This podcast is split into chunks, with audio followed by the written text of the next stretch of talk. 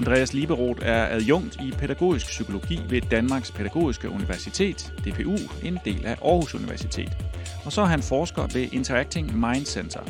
Han har været tilknyttet Aarhus Universitet siden 2010, hvor han begyndte sin Ph.D.